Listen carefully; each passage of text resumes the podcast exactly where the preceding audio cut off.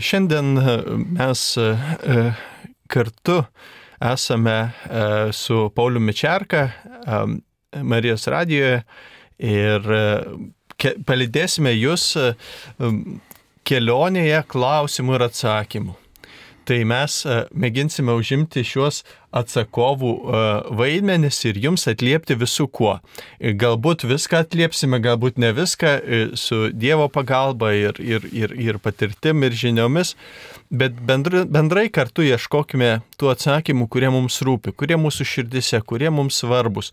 Visa, kuo, ką norime užduoti kaip na, galbūt pro, ir provokatyvius, galbūt ir, ir, ir, ir praturtuojančius klausimus. E, jeigu imtumėm e, tai, kokie klausimai, na, sakykime, taip mes kompetitingiausi atliepti, Tai um, Paulius tikriausiai um, geriausiai pažįsta ir teologinius, galbūt dogminius dalykus, bet kartu sujungti su teisiniais. Tai taip sujungia, tai būt Dievo įstatymas, reiškia, ką reiškia dievo, vykdyti Dievo įstatymai, arba dar labiau kaip, e, reiškia, Jėzus vadinamas advokatu arba šentoji dvasia advokatu, kad irgi kaip, kaip mums apginti mūsų malonę tikėjimo, reiškia, ir kaip ją gyventi. O kunigas Andrius Končius, kuris čia su jumis kalba, jisai a, gilinasi į, į tai, kas teologija vadinama pneumatologija arba e, iškia, taip, per išvertus į lietuvišką š, š, šventa, šventotologiją, reiškia, bet imant šventąją dvasę. Šventąją, e, šventosios dvasios visus klausimus, šventosios dvasios dovanos, charizmos, tarnystės, pašventinimas, malonės ir Ir čia mano tokia labiausiai besigilinanti tema. E, taigi, mėlyjeji, e, turime žinutę. Mm, Antanas mums rašo iš Vilniaus, e, kaip tiksliai rasti pusiausvyrą tarp darbo laiko, reikia taupyti paskolai, buvimo su žmona ir vaiku. Kiek laiko galiu būti su savo tėvais Ar prabanga pirkti naują saugią mašiną neprabangę? Du klausimai. Um, nežinau, kaip uh, tu, Pauliau, savo pusiausvyrą dėlioji ir kaip tau. Uh... Ne visada pavyksta. Labas rytas visiems klausytojams. E, klausimas tikrai yra puikus, Na, atsakymas nėra paprastas ir tikrai nėra universalaus turbūt e, tokio sprendimo, kuris e, tiktų visom situacijom. Neseniai su draugu vat skaitėm Eklesiasto ketvirtą skyrių ir e, ten teko atrodytų rasti tokį siūlymą. Mokytojas sako ketvirtam skyriui, penkta šešta eilutės, kvailasis sudeda rankas ir minta savo kūnų. Geriau viena sauja su polisiu, negu dvi sauja su triūsu ir vėjo vaikymusi. E, šiuo atveju yra du kraštutinumai, kai žmogus neužsiemęs jokiais reikalais ir tai priveda prie to, kad tenka eikvoti savo santaupas, savo resursus, netgi ir rezultatį sveikatą. Kita vertus, kitas kraštutinumas būti pilnam reikalų ir rūpešių. Vėlgi kažkoks yra balansas, viena ranka rūpešių, viena ranka tuščia. Dabar kaip tas balansas pasiekiamas e, priklauso nuo situacijos. Pavyzdžiui, Mozės įstatymė buvo pasakyta, kad jaunavedžiai yra atleidžiami nuo karo tarnybos e, vienerius metus. Tarytum, karo prievalė yra e, tokia na, labai svarbi ir kai iškyla egzistencinė grėsmė valstybei, visi turi eiti ją ginti.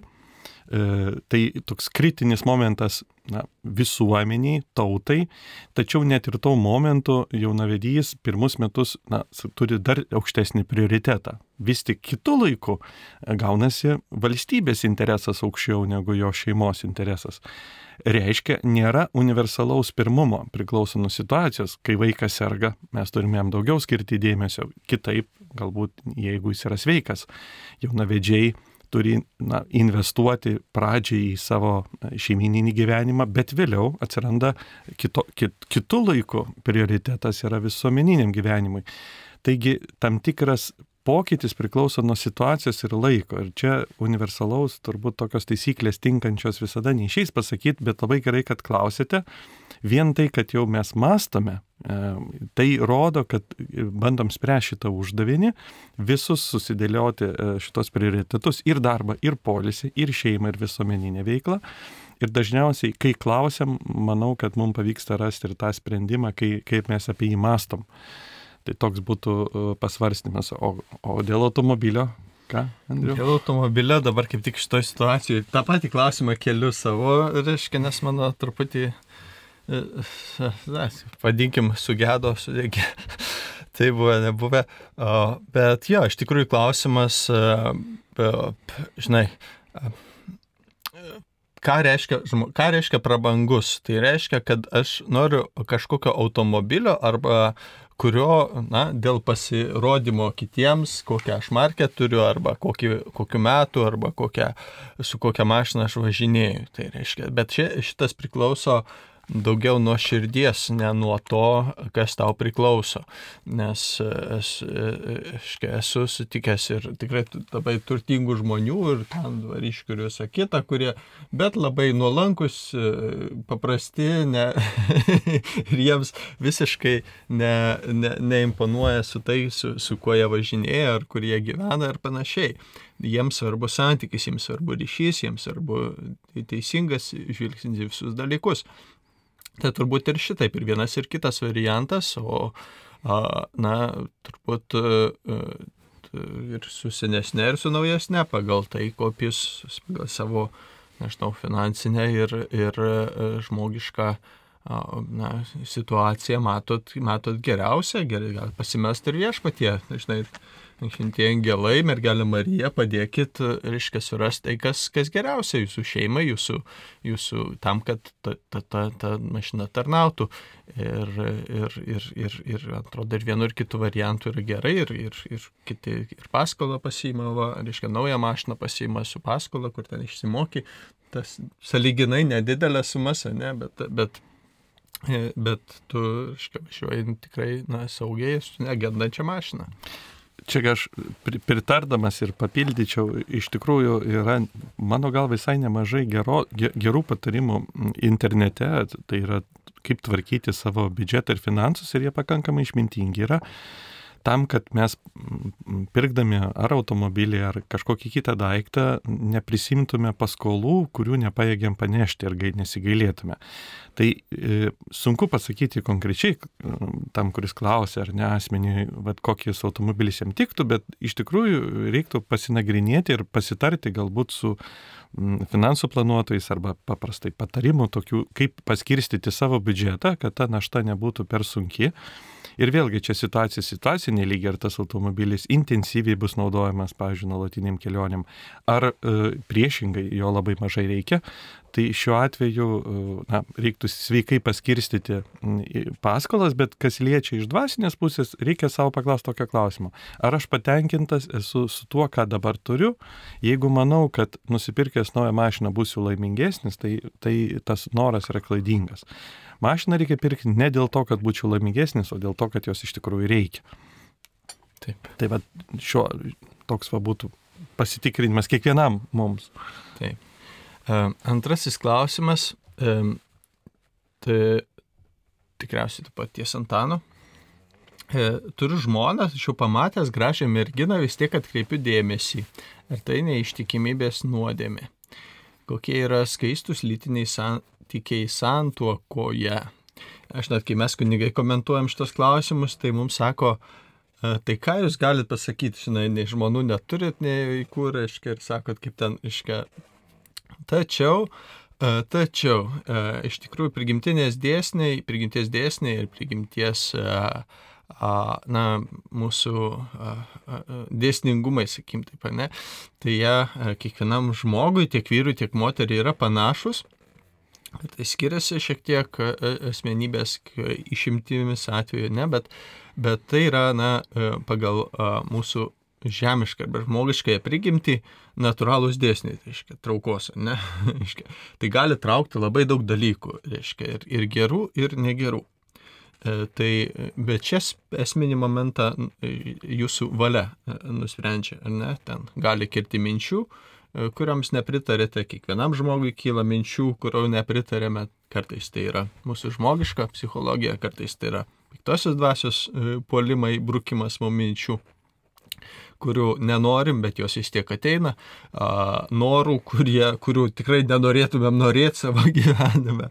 Ir galima sakyti, mums e, vienu ar kitu būdu daugeliu atveju reikia grumti su savimi arba su tuo, kas mumise kyla ir ne vien su santykiai su kitais žmonėmis, su, su daugybė dalykų, kurie galbūt gyvenime neteisingi, e, blogi ir taip toliau. Taigi esame tokia, sakykime, situacijoje, kurioje esame nuolatinėje kovoje Ir jeigu kilo mintis arba prabėgo mintis, tai dar, ne, ne, jeigu jūs nepritarėte, tai nėra nuodėmė. Nuodėmė būtų, jeigu tam toliau vystytumėt kažkur uh, kryptimi į ne, neištikimybės kryptimi, sakykime, ne. O skaistus lytiniai santykiai yra lytiniai santykiai bažnyčios pašventintoje santokoje, jeigu jie atliekami škia, įprastiniu, ne, be jokių priedų būdų. Čia gal pritardamas ir papildyčiau iš tikrųjų, kad uh, taip, vyrai ir mes ir moteris turim uh, prigimti, pagal kurią normalu yra pastebėti kitos prigimties grožį ir kadangi grožis yra gėris, jis mus traukia, taip kad pastebėti priešingos linties grožį yra normalu.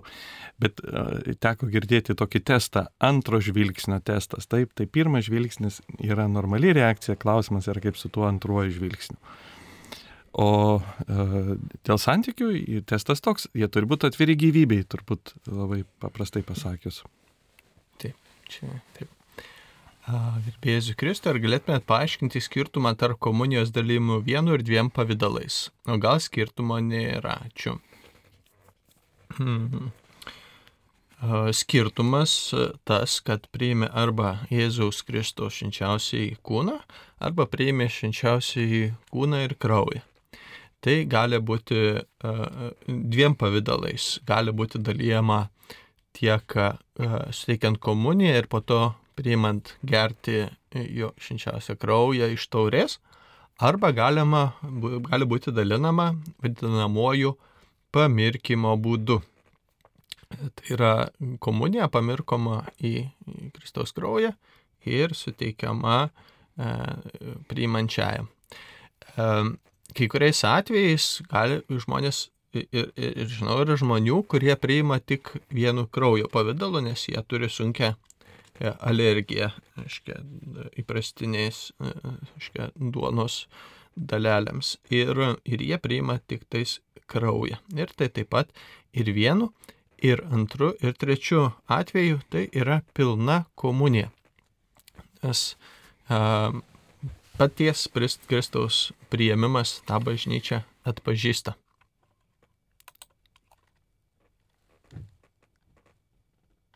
Ką Mozė nori pasakyti, e, negi kuliančiam jaučiui užriši snukį. E, negi e, į šiandien, jeigu pritaikytumėm šiandienos kontekstui, negi iška, kombainui neįpilsi degalų. Kad... tai. Jo, iš, iš tikrųjų, Mozės, taip, Mozės įstatymė turim tą taisyklę, kuri liepia rūpintis savo uh, gyvuliais, uh, bet iš jos mes galim pasimokyti dar daug daugiau negu vien tik rūpinimuose mm, gyvūnais ar gyvuliais. Ir apaštalas Paulius jau ją naudoja e, kaip e, na, metaforą arba tą patį principą, sakydamas, jog kiekvienas dirbantis asmuo turi teisę pasinaudoti tuo gerboviu, kurį sukuria. Tai lygiai taip pat kaip jautis gali valgyti uh, tą, mm, tuo, tą, ką jisai kulia, lygiai ir žmogus turi, turėtų turėti teisę, nu, turėti tam tikrą dalį Mm, produkte, kurį jis uždirba. Ir šiuo atveju egzistuoja tokia idėja, kad ir darbuotojai turi dalyvauti, na, kažkuria prasme pelne įmonės.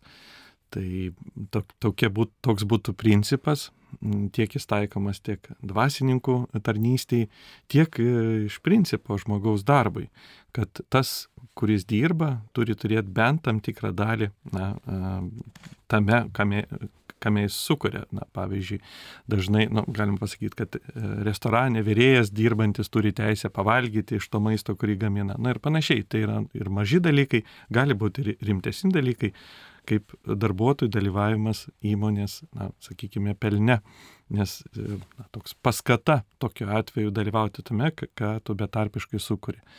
Tai šiuo atveju nors tekstas liečia tik tai e, rūpinimasi gyvūnais, bet iš tikrųjų gyvuliais, bet iš to galima išplaukti labai svarbių principų mūsų socialiniam gyvenimui. Mhm. Sekantis klausimas, tada pasižiūrėkime. Labas rytas, ar yra e, kitų rašytinių šaltinių, kur būtų minimas Jėzus, metraščiai kaip istorinis asmuo? A, na, tiesioginių šaltinių, kuriuose būtų minimas Jėzus, aš likusiu iš jo tik, tiksliai, tiksliai negaliu pasakyti, bet išlikusiu iš to laikmečio, kada jis gyveno. Tai yra iš to metinės Jeruzalės Herodo laikų. Tiesioginių šaltinių iš to laikmečio, kada Jėzus gyveno, atrodo, nėra išlikę. Yra išlikę jo mokinių ir visų kitų po Jėzus mirties ir prisikėlimo parašytų raštų apie jį. Ir žinoma, turbūt yra tie raštai, kurie tada minimi apie tai, kaip tvarkyti su uh, Jėzumi, uh, su Jėzaus sėkėjais, kaip tvarkyti su na, jų religija, kuri buvo prieštaringa tuometiniai uh, Romos uh, pagonių iškų dievų garbinimo sistemai. Ir, ir, ir, ir kažkuria prasme buvo konfliktiška situacija, kadangi krikščionys pripažino tik vieną dievą ir jokių kitų dievų ir už tai buvo persekiojami ir žudomi. Taigi tie po Jėzaus e, e, kelio šaltiniai yra, yra išlikę ir žinoma daugybė yra vadinamųjų apokrifų šalia Biblijos, šalia Biblijos rašto, kitų raštų apie Jėzaus gyvenimą, kai kurie yra autentiški, kai kurie yra truputį filosofiniai, vadinami gnostiniai ir netgi eretiški. E, taip papildyčiau dar tiek, kad pirmiausia pačios Evangelijos, jos viena vertus yra religinis tekstas, teologinis tekstas, bet kita vertus jos yra parašytos pirmajame amžiuje ir e, taip pat gali būti laikomos istoriniais šaltiniais, kad, kadangi autorijas rašydami na, jie dar nenujautė, kad rašo šventai raštą, jie tiesiog, na, galima pasakyti, rašė tam tikro pobūdžio, tam tikro stiliaus biografiją. Laiko tarpsas buvo labai nedidelis tarp to, na, tarp to, kai jie rašė ir tarp Jėzaus gyvenimo, todėl istorikai taip pat priema e, Evangelijas kaip ir istorinį šaltinį. Tai nereiškia, kad istorikai priema kiekvieną teiginį Evangelijų, bet juos priema kaip istorinį šaltinį. E, tas pats su pašto Pauliaus laiškais, juose mes taip pat sutinkam tam tikrų faktų apie Jėzus gyvenimą. Pašto Pauliaus laiškai yra dar ankstesni už Evangelijas, nors testamente mes skaitom po, bet iš tikrųjų yra ank, anksčiau, o kas liečia nekrikščioniškus šaltinius, tai Jozapas Flavijus mini Jėzaus brolio, Jokūbo viešpatės brolio nužudimą ir tuo būdu mes tikrai galim matyti, kad Jėzus tikrai buvo, jeigu jo, jo brolio nužudimas yra Svetonius istorikas kalba apie krikščionis ir jų Kristų, dėl kuris buvo persiekėtas ir nužudytas, Tacitas taip pat kalba apie krikščionis ir jų tikimą Kristų ir jie visi tai yra pirmo amžiaus šaltiniai, tokiu atveju kalba apie Kristaus istoriškumą. Jie nepatvirtina jo dieviškumo ar prisikėlimo, bet, bet nebejotinai patvirtina jo istoriškumą ir jo sekėjų gyvenimą. Jozapas Flavijus mini, kad sekėjai tikėjo Jėzus prisikėlimu, tai tuos pagrindinius faktus krikščionybės taip pat patvirtina. Tai čia tik eksprontų pasakius Svetonių, Tacitą, Jozapą Flavijų mes jau galime įsitikinti Jėzus istoriškumu, beje, ir Naujas testamentas, kaip ir sakiau, irgi yra istorinė šaltinė, taip kaip ir visi kiti, sakykime, atsiminimai arba, arba raštai arba kitokio pobūdžio literatūra tuo pačiu. Taip, ir turbūt švento rašto tas um, istoriškumas, kurį dabartiniai tyrėjai vis bando, reiškia, išsiaiškinti, pagrysti ir taip toliau, taip kyla aišku kai kurių kritinių klausimų, tai paskutinis buvo dėl šitų stoginių, kurios minimos Jono Evangelijoje, ten šešios stoginės kažkaip yra kuriuose e, ar, ar apaštlų darbuose, apaštlų darbuose, atrodo, ar kad, kad archeologai sako, ne, ne, reiškia, ne, nebuvo, nė, nėra tokio, reiškia, jokių nerasom, neradom šaltinių archeologinių, kad kas egzistavo, žinai. Ir prieš kelias dešimtmečius klausinėdami atrado, reiškia, būtent, būtent tai, kas minima tose, tose evangelijose ir, ir kad, e, kad, na, iš tikrųjų yra istorinis, archeologinis ir vis, visi kiti matmenys, bet mums svarbiausia tai, kad yra nu, iš tikrųjų autentiškas liūdėjimas apie tai, kas yra Jėzus Kristus, apie mūsų išganimą ir istorinį ir virš istorinį matmenį. Turime skambutį. Milda iš Ariogalos. E, sveika, Milda, klausime jūsų. Artėja mirusiųjų minėjams lapkričio pirmą antrą. Norėčiau paklausti, kodėl mes mirusių žmogaus sielą vadiname vėlė. Ta žodis toks nukraupoks, man primint kokį vaiduoklį. Juk ir maldelė yra Jėzui, nuvesk į dangų visas sielas, ypač tas, kuriomis labiausiai reikalingas gailestingumas. Ir iš kur tas žodis vėlė kilęs? Gal čia tik tai kokią vertimą, ar yra tas pats žmogaus siela ir vėlė? Ačiū už atsakymą. Jo, tai vėlė, ačiū Jums už Jūsų klausimą. Iš tikrųjų, vėlė yra lietuviškas, baltiškas, e, na, iš mūsų kultūros kilęs žodis, e, e, baltų, baltų mintyje, baltų kalbėjime, baltų mitologijoje, kalbant apie žmogaus sielą. E, baltai taip pat tikėjo sielos, nemirtingos sielos egzistavimu, kad škia siela po mirties atsiskiria nuo kūno ir e, visai e, škia įvairiai škia pagerbdavo tos mirusiuosius, kurie tikėdavo esant gyvi po mirties. Tai šita prasme E, šita prasme siela ir vėlė šitoje sampratoje nemirtingumo arba raciškai, gyvenimo po mirties toliau prasme sutampa su krikščioniška siela iš Biblijos pneuma. E, ta žmogaus siela ir dvasia, kurios yra Dievo sukurtos nemirtingos ir, ir esame amžini ir gyvename po mirties. Taigi e, galbūt, galbūt retoriškai mums ir neskamba, tas vėlės toks, sakykime, arba ne, nesuprantamas šiame laike, iškia toks atrodo arhainis žodis, bet turbūt jeigu jį naudojame, tai, tai nieko dėl to na, blogo ne, ne, neturėtumėm na, tikėti. Taip, svarbiausia, aišku, ką turim omeny, laikui bėgant žodžio prasmes kinta ir jos adaptuojasi, sakykime, oficialioj kalboj bažnyčia naudoja žodį siela taip, sakykime, vėlė yra galbūt labiau liaudėje naudojama žodis ir vėlgi tai priklauso, ką žmogus turi omeny. Laikui bėgant ta, ta koncepcija gali kisti, taip, nėra baltiškos kilmės žodis. Tai savaime tikrai tai nėra didelė problema, nu, bet tiksliau būtų sakyti siela, sakykime. Taip, krikščioniškai, jo, įprastinis, reiškia, yra siela, daugiau paprotinis Lietuvos yra vėlė. Um, Gerbėzui Kristui, prašau paaiškinti, kaip suprasti laimingą mirtį. Dėkoju. Aha, tai turbūt žmogiškų žvilgsnių laiminga mirtis, nu tai neskausmingai, greitai ir, na, tikriausiai nugyvenus tiek, kiek norėjai nugyventi žmogiškų atveju. Krikščioniško atveju, net, tai net yra liturgijoje, mišiolė tokios šventos mišios, kurias galima melstis, laimingos mirties malonės. Ir toje liturgijoje melžiamės sielai išganimo. Tai reiškia, e, e, egzistenciniu arba, arba krikščionišku žvilgsniu laiminga mirtis yra ta, kuri, e, kada žmogus miršta vienybėje su Dievu arba pašvenčiamojoje malonėje, tai reiškia, kad jis eina į išganimą, ne į pražūtį. Aha, čia yra žodžiu, klausimas yra toks platesnis truputį apie spiritizmą. Iš tikrųjų, nu, geras klausimas, reiškia, ar tokie mistiniai mūsų kartais šio laikmečio visokie visokie mąstymai apie šio laikinius dvasininkus, medijumus vadinamus, kurie tenais kažkaip ypatingai tarpininkauja dvasiniam pasauliui arba energijas perduoto ezoteriniai visokie ir dvasių kvietimai, kuris irgi dabar plinta ir jaunimo tarpe, ir, ir kitur. Taigi turime skambutį, netrukus atliepsime. Taigi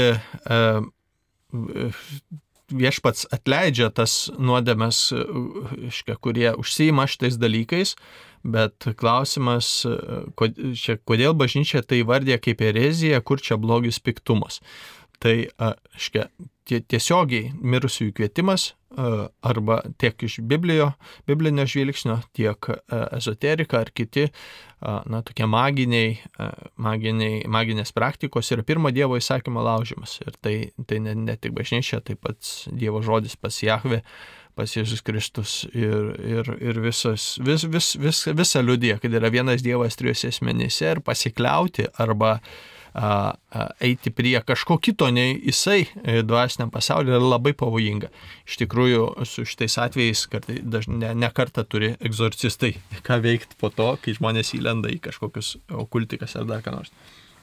Aš čia gal papildyčiau, iš, iš tikrųjų klausimas yra, atrodo, klausintysis e, stebėsi, kad jeigu yra mirusiųjų pasaulis, kas čia blogo su juo susisiekti. Tai mhm. šiuo atveju svarbu, taip jis yra ir galbūt su juo ar galime susisiekti, mes nežinom, bet pats principas yra, kad tai yra pavojinga. Taip kaip mes vengiame atidaryti aukštos įtampos skydinės, ne todėl, kad ten, e, sakykime, kažkas sakytų, juk aš žinau, kad ten yra elektra arba nėra elektros. Klausimas yra, kad mes nesam tinkami su ją, sakykime, turėti kontaktą su, to, su tuo pasauliu arba kaip su ta elektra. Tai šiuo atveju Dievas norėdamas mus apsaugot, uždraudžia būdą susisiekti su mirusiu pasauliu tokiu būdu ir priešingai mes e, galime tik pasitikėti Dievu kaip tuo tikruoju na, šaltiniu tiesos. Tai čia yra pro, problema ne tame, kad, tai būt, kad būtinai tas pasaulis yra ar nėra, bet dėl pačio būdo, kaip su juo susisiekėm, yra problema. Taip, kad e, jo prieimas, prieimas, kuris e, panašiai, e, na, nežinau, į parduotuvę gali. Ten yra daug prekių ir, reiškia, būdas jas gauti yra atsinešti pinigų ir nusipirkti, bet galima bandyti pavokti. Bet tada turėsi, gali turėti labai liūdnų pasiekmių. Jeigu, taigi, turime skambutį. Taip, Pranciška iš Vilniaus. Sveika, Pranciška, klausome jūsų. Klausome, Pranciška, ar dar nedingote, praėjo nemažai laiko? Pranciška tikriausiai. Tikriausiai perskambins. Įjungi, perskambins. E, gerai, sekantį klausimą žiūrėkime. Uh, Kas sukūrė erdvę, kurioje tarp begalinių galaktikų viešpatauja Dievas šventoji dvasia? Mūsų mokslinis e, e, pažinimas iš tikrųjų e, padėjo ir apsunkino mūsų tikėjimo pažinimą, kadangi tiek įsiskverbė į atomą ir pamatė iš, iš smulkmės, kaip viskas ten veikia, tiek tirdami begalinės kosmoso erdves ir tos milijardinius šviesmečių atstumus e, su visomis galaktikomis ir įvairiausiamis žvaigždėmis. E, mes tarsi klausėme, tai jeigu viskas yra taip e, na, kompleksiška ir materialu, kad kur tada Dievas, nes buvo tikima, kad jis ten danguje, kada žmogus dar nebuvo pakilęs į kosmosą, ne kad jis ten danguje virš virš, e, e, e, virš debesų.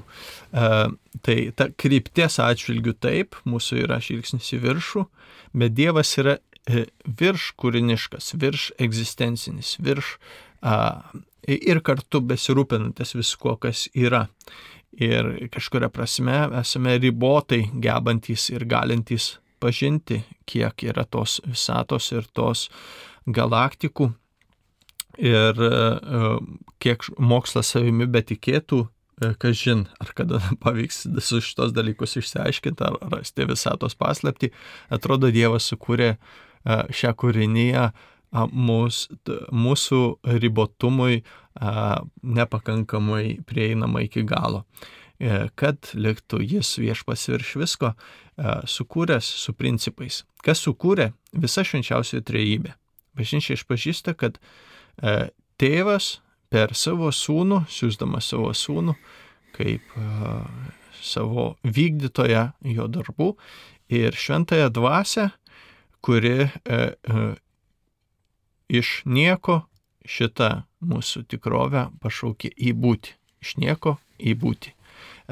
Taigi šventoji dvasia yra, galima sakyti, kiekvieno mūsų ir kiekvienos visos egzistencijos pats artimiausias kuriejas, kaip ir Jėzus kuriejas, kaip ir tėvas kuriejas, nes šventoji dvasia buvo tas asmuo, kuris savo veiksmu arba įkvėpimu sukūrė e, savo, savo na, tą egzistenciją, kuri, kuri yra, arba mūsų siela, mūsų siela, kurią iš nebūties pašaukė į būti tėvo plane per Jėzų Kristų.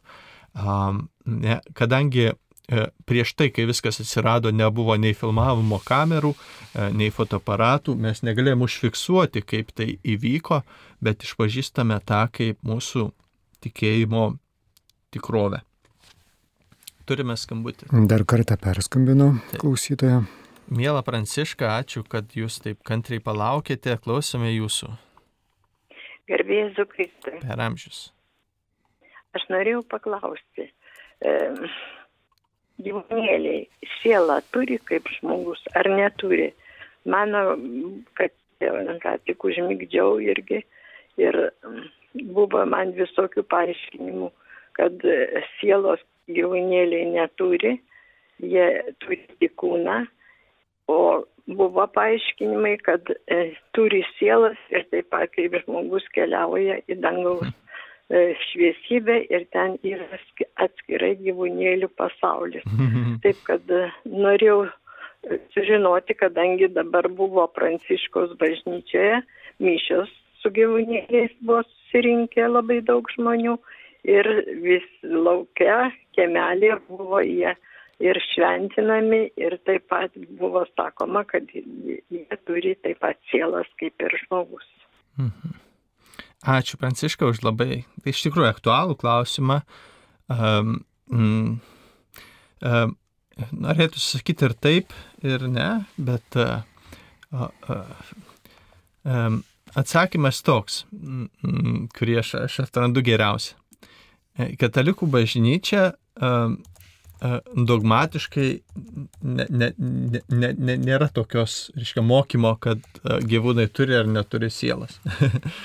Palieka, reiškia, laisvam buvimui, laisvam interpretacijai. Um, um, iš žmogiškos pusės žmogus visą, ką myli, kas yra gera ir ką Dievas ką myli, Dievas žmogui uh, sugražina mylinčiam jį pirmiausia, mylinčiam jį virš visko, mylinčiam jį pirmoji vietoj. E, ir e, tikrai gyvūnai turi e, savo žmo, gyvūniškas sielas, kaip ir žmogus turi savo škia, psichologinę, gyvūnišką, žmogišką sielą. Tikrai gyvūnai neturi sielos kaip žmogus, kuri būtų pasižymėtų kūrybiškų e, intelektų, e, laisvė ir gebėjimu pasirinkti, e, katinukas arba re, religingumu, gyvūnai neturi religingumo išgyvenimo, kad koks reiškia, ar šuniukas, ar, ar papugėlė, ar dar kas nors. Dar neteko matyti, kad koks nors katinėlis bėgdamas prie dubenėlio pavalgyti, staiga sustotų, susimastytų ir padėkotų Dievui na, visi ne, neegzistuoja pas gyvūnus e, šitie dėmenys. Taigi tokia nemirtinga, a, laisva, gebanti rinktis, intelektuali a, ir amžina siela, atrodo, Dievo kūryboje yra skirta tik žmogaus esybei. E, kas atsitiks su žmonėmis, kurie priversti gyventi kitur, priimant kitą tikėjimą? Na, šiuo atveju turbūt priklauso nuo, nuo aplinkybių. Tikėjimo įsižadėjimas yra nuodėmė, jeigu jis yra padarytas sąmoningai ir laisvai, tai čia labai sudėtinga yra įvertinti universaliai, kaip žmogus e, tą sprendimą padaro, bet e, na, laisvai ir sąmoningai mes neturėtume to daryti, o kartais žmo, žmonės padaro per klaidą arba priversti ir tokiu atveju tai jau yra vertintinos individualios aplinkybės iš moralinės pusės, kodėl taip atsitiko. Mhm. Uh, taip, turbūt šalia to pridėti tikrai taip, uh, ką žmogus renkasi, ar žmogus laisvas ir ar pasirinko. Turbūt kai kuriais atvejais būna, kad na, vyra žmona, reiškia, ir vieno pusę pereinama, paima tikėjimą. A, a, viena yra aišku, Jėzus Kristus yra vienintelis Dievo sūnus, a, a, kas bus amžinybėje vienas jis, a, gali nuspręsti pagal sąžinę, pagal meilę, bet jeigu jį atmetame, Jėzus sakė, kas a, nesu manimi tas prieš mane, Jėzus sakė, e, kad kas mane tiki turi amžinai gyvenimą ir, ir, ir, ir, ir, ir ryšys su Jėzumi ir santykis su juo. E, net tas kitas tikėjimas, dar vėlgi, ar tai yra kitos religijos, kaip budizmas, musulmonizmas, e, ar islamas, ar, ar hinduizmas, kurios iš išės, nu, islamas galbūt šiek tiek artimesnė, monoteistinė, bet vis tiek yra na, atsisakymas krikščia to mūsų pažintojo Dievo, vardant kažkokio kito Dievo, ar tai yra kitos krikščionių pakraipos, reiškia, kaip katalikai ortodoksai, kurie iš esmės turim nu, vieną bažnyčią esam tiek malonės atžvilgių arba sakramento atžvilgių, tiek na, reiškia, mūsų tikėjimo paveldo, kuris šiek tiek tik skiriasi, tik valdžios pas mus, valdžių konfliktas, sakykime, įvykęs. Ar protestantai, kurie atmeta daug labai esmingų mūsų malonės matmenų, kaip šintoji komunija, ryšys su mergelė Marija ir panašiai. Tai, e, e, iškia, bet kas atsitiks e, su vienais ar kitais ar trečiais, bažnyčia nesako, mes tik tai kviečiam į gyvenimą autentišką krikščionišką gyvenimo misiją.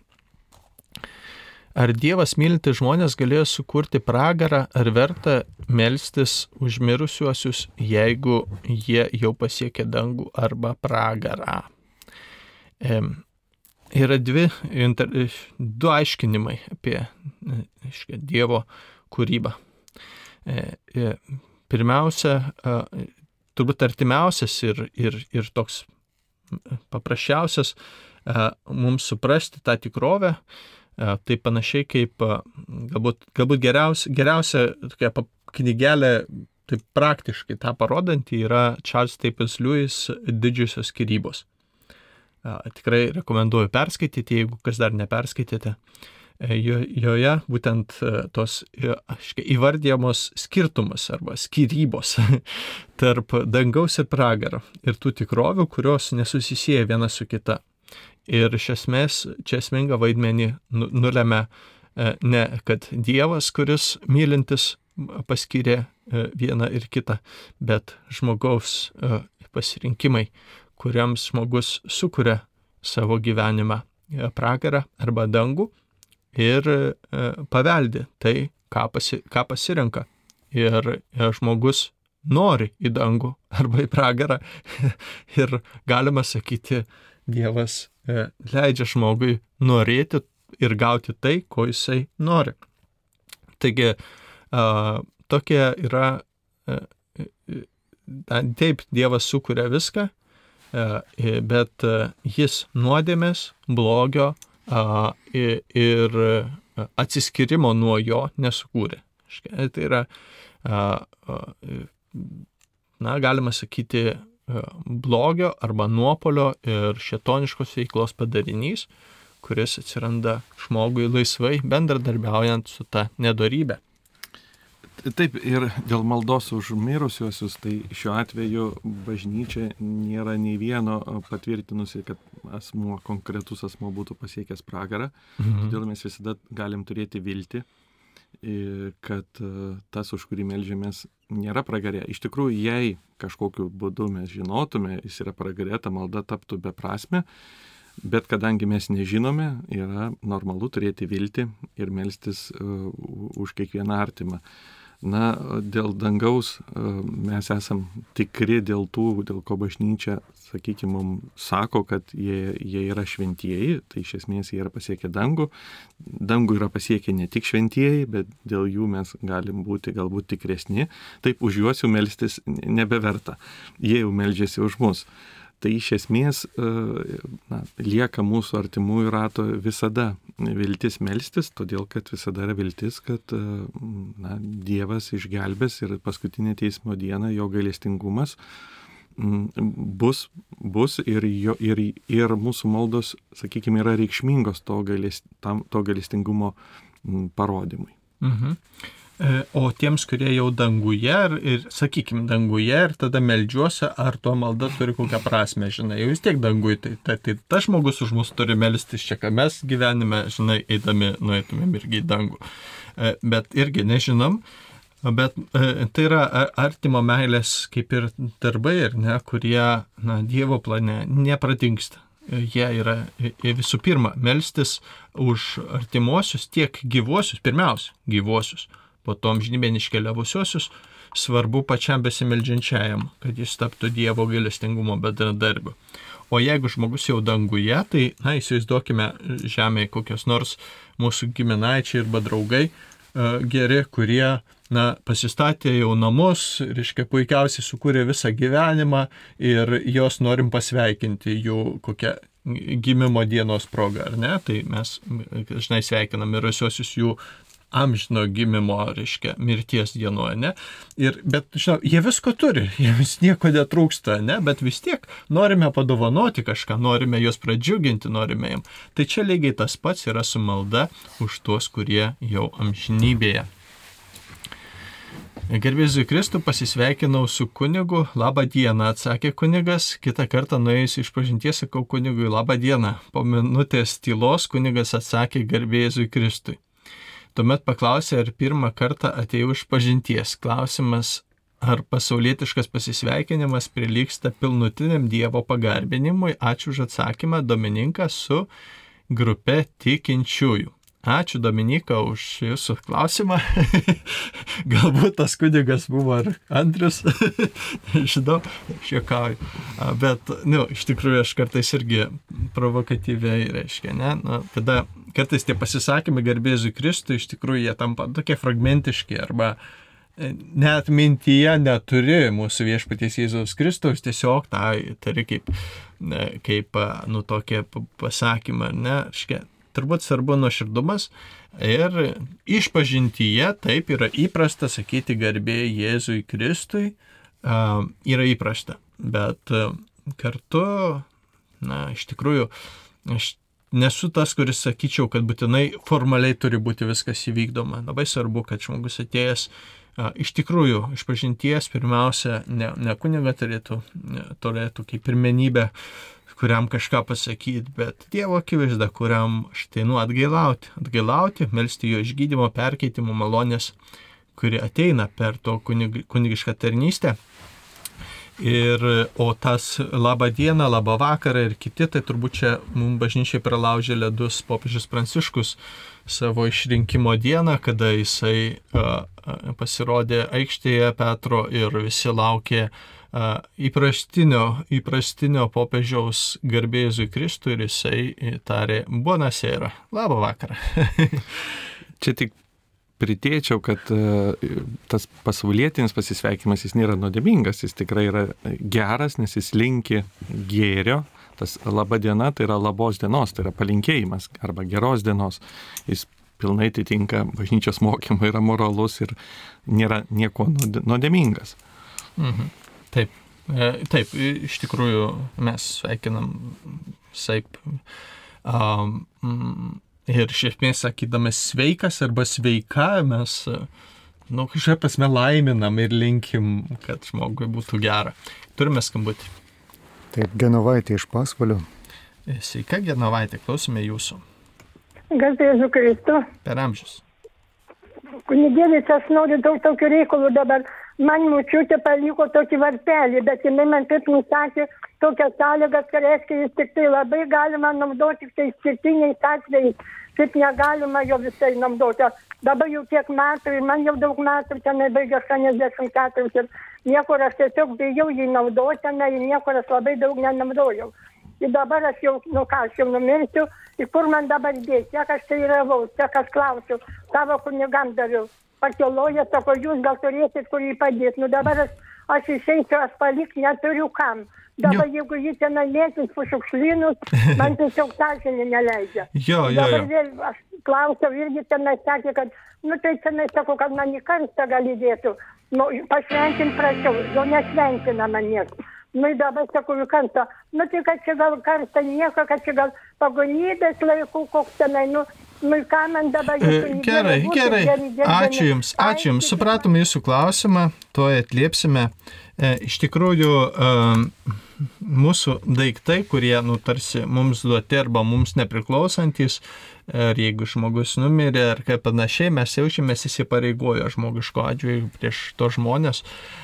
Ir iš tikrųjų turėtumėm jaustis laisvi šituo atžvilgiu, nes, na, žmogus, kuris iškeliauja, jam jau tada visai net tie dalykai aktualūs tenais. Tai galima sakyti su daiktais, liekame laisvi, panašiai kaip su palikimu, reiškia, elgtis, kaip mums savo nuožiūra yra tinkama. Taigi visiškai galima a, a, daryti, ką norime su žmogiškais daiktais. Jeigu tai yra šventenybės, pavyzdžiui, varpelis su a, kryželiu ar ne pašventintas, nu, kažkie, nežinau, ar dar kokie nors e, religiniai ženklai, ar tai būtų kortelės, kryželiai, rožančiai, ar, a, nu, nežinau, statulėlės ir panašiai, kurie, na, sakykime, nebenaudojami, sulūžę, ar, ar, ar šiaip mes jų prisikau, nu, ir ne, neturime kur dėti. Tai yra vienintelis būdas, vienas būdas, tai kaip jų, na, šiandien tariant, atsikratyti. tai galima juos kažkur pagarbiai užkasti, tiesiog žemai, ar ne, grąžinti. Galima juos irgi pagarbiai, ne, ne kaip šiukšlė išminti, pagarbiai sudeginti. Arba, jeigu dalykai skestantis, juos į kažkur į e, škia, va, vandens telkinį e, e, škia, išmesti. Kad tai na, tiesiog ga- gamtos, nes gamta, visa gamta yra Dievo sukurta gera ir tarsi mes na, tą dalyką, kuris nebetarnauja mums kaip mūsų religingumo ženklas, tikėjimo ženklas, jo taip galime tariant atsikratyti, ne, nepažeistami savo sąžinės kažkokio tai dalyko. Bet svarbu nepasiduoti, ne, ne, neturėti įsitikinimą, kad yra kažkokia maginė reikšmė tokių daiktų. Tai.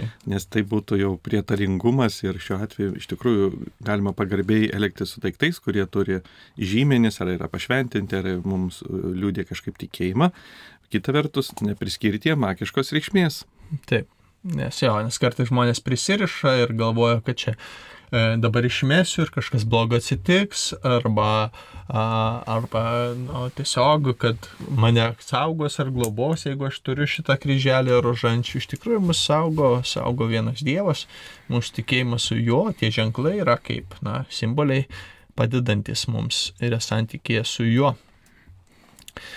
E, Ar teisinga Dievo atžvilgiu, jeigu kunigai už celibatą ir maldas aukas gauna, o tikintysis Dievu pasaulietis gyvendamas be moters už susilaikymą visą gyvenimą ir maldas iš Dievo absoliučiai nulį ir kančias te gauna.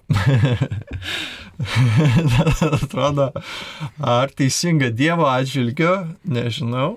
Bet kunigystė yra ne tik, žinau, celibato laikymasis ir ne tik au- aukų rinkimas, kunigystė yra įvairiausia tarnystė, sakramentinė, pirmiausia, e, šventų mišių aukojimas, antra, sutaikinimo gale išpažintyje, dvi nepakeičiamos arba e, vien per kunigus vykstančios dalinamos Dievo dovanos, tai yra atleidimo sakramentas ir e, šventų mišių auka gale, o na, visos kiti sakramentai ir, ir bažnyčios tarnystės, kurios o, kurios, kurios, kuriomis tarnaujama ir, ir būnama žmonėms palidėjime ir tas pats ir, ir vadovavimas arba, arba priežiūra tokių kaip klebonų ir panašiai. E, e, ir bažnyčioje, ir čia nėra bažnyčios išradimas aukojimas ir, ir na, sakykime, rinkliavos ir panašiai. Tai yra nuo pirmųjų amžių mūsų krikščioniško tikėjimo paveldas, jau apaštas Paulius ir kitos bendruomenės rašo apie rinkliavas, apie bendrą krikščionišką tur, turtą. E, ir labai svarbu suprasti, kad, e, pavyzdžiui, kad bažnyčia yra labai aiškiai reglamentuota, kaip finansai skirstomi. Tai yra, pavyzdžiui, žmonės kartais nežino, kad šventų mišių rinkliavos niekada neina į asmeninės kunigų škia, gyvenimo sąlygą. Tai yra parapijos gyvavimo reiškia, prisideda prie visos parapijos, visų, visų reikalingų išlaidų, kas asmeniškai kunigui skiriama arba už šventų mišio auką, arba už kitus patarnavimus, tai jau yra na, jūsų auka, kurią, auka, kurią galima skirti. Taip pat ir jūs, mielas e, e, e, rašytojų, kuris parašėte šitą žinutę, turbūt kaip nuoskaudą galbūt savo, kad jūs pasiaukojęs Dievui ir, ir nulį gaunat Tai e, pirmiausia, susilaikymo atžvilgiu yra e, ta, čia yra e, sielų ir tarnavimo laisvės tarnauti du matmenys pagal Jėzaus kvietimą, kas nori būti eunuchais, arba kiti padaro, arba iš prigimties tokie, arba laisvai tai pasirinka dėl dangaus karalystės. Taigi sielos ir dangaus karalystės matmuo. Ir antras, e, kad e, jūs, ne, nesvarbu už ką, bet esate laisvas priimti kažkokias dovanas ar aukas, jeigu jums kas duos. Taigi, e, iškia, to reikalauti ar prašyti, žinoma, nereikėtų, bet e, taip, galbūt paironizuojant, bet, bet esame, esame toj pačioj baloj, kitaip sakant, sielos atžvilgių ir išganimo atžvilgių kiekvienas žmogus ant šitos žemės Ir e, susilaikimas e, arba celibatas nėra aukščiau santokinės malonės ir jis nėra a, a, na, vertingesnis jokių atžvilgių. E, e, vienodai Dievas savo malonę dalyja ir viename, ir šitame pašaukimų kelyje, ir e, šeimos kelyje, jeigu žmogus yra tikėjimo ir santykėje su juo, maldoje ir atsidavime jam. Turbūt neturi ką pridėti, ne?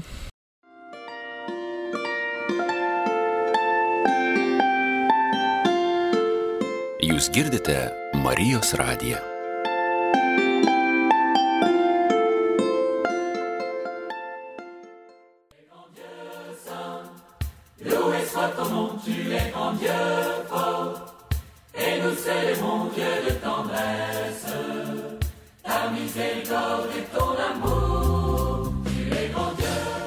Pokalbių laida Klausk drąsiai. Dieu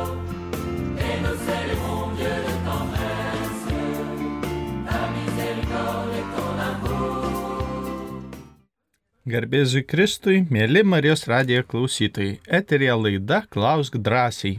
Drąsų, išmintingai drąsuoliai atliepiantys e, šiems klausimams. Taigi su jumis kartu Paulius Čarka, e, teologas, advokatas e, ir šiaip mylintis Dievą žmogus, kuris turi iš įvairiausių kampų, gali atliepti jums bei kunigas Andrius Končius Taip pat e, atradimuose e, ties e, pneumatologiniais klausimais į, į, į, į labiau linkęs mm, gilesn, gilesn, gilesnius klausimus at, atsakyti. Taigi, klausimas. Perlaidojami iš Amerikos prieš 50 metų mirę žmonės ant neseniai palaidotų paminklų kartais net nerašomi vardai ir mirties datos. Dažnai matom tik užrašą, pavyzdžiui, Jonaičių šeima nors kape palaidotas ir vienas mirusysis, juk tai nepagarba mirusiam krikščioniui. Ačiū Paulina.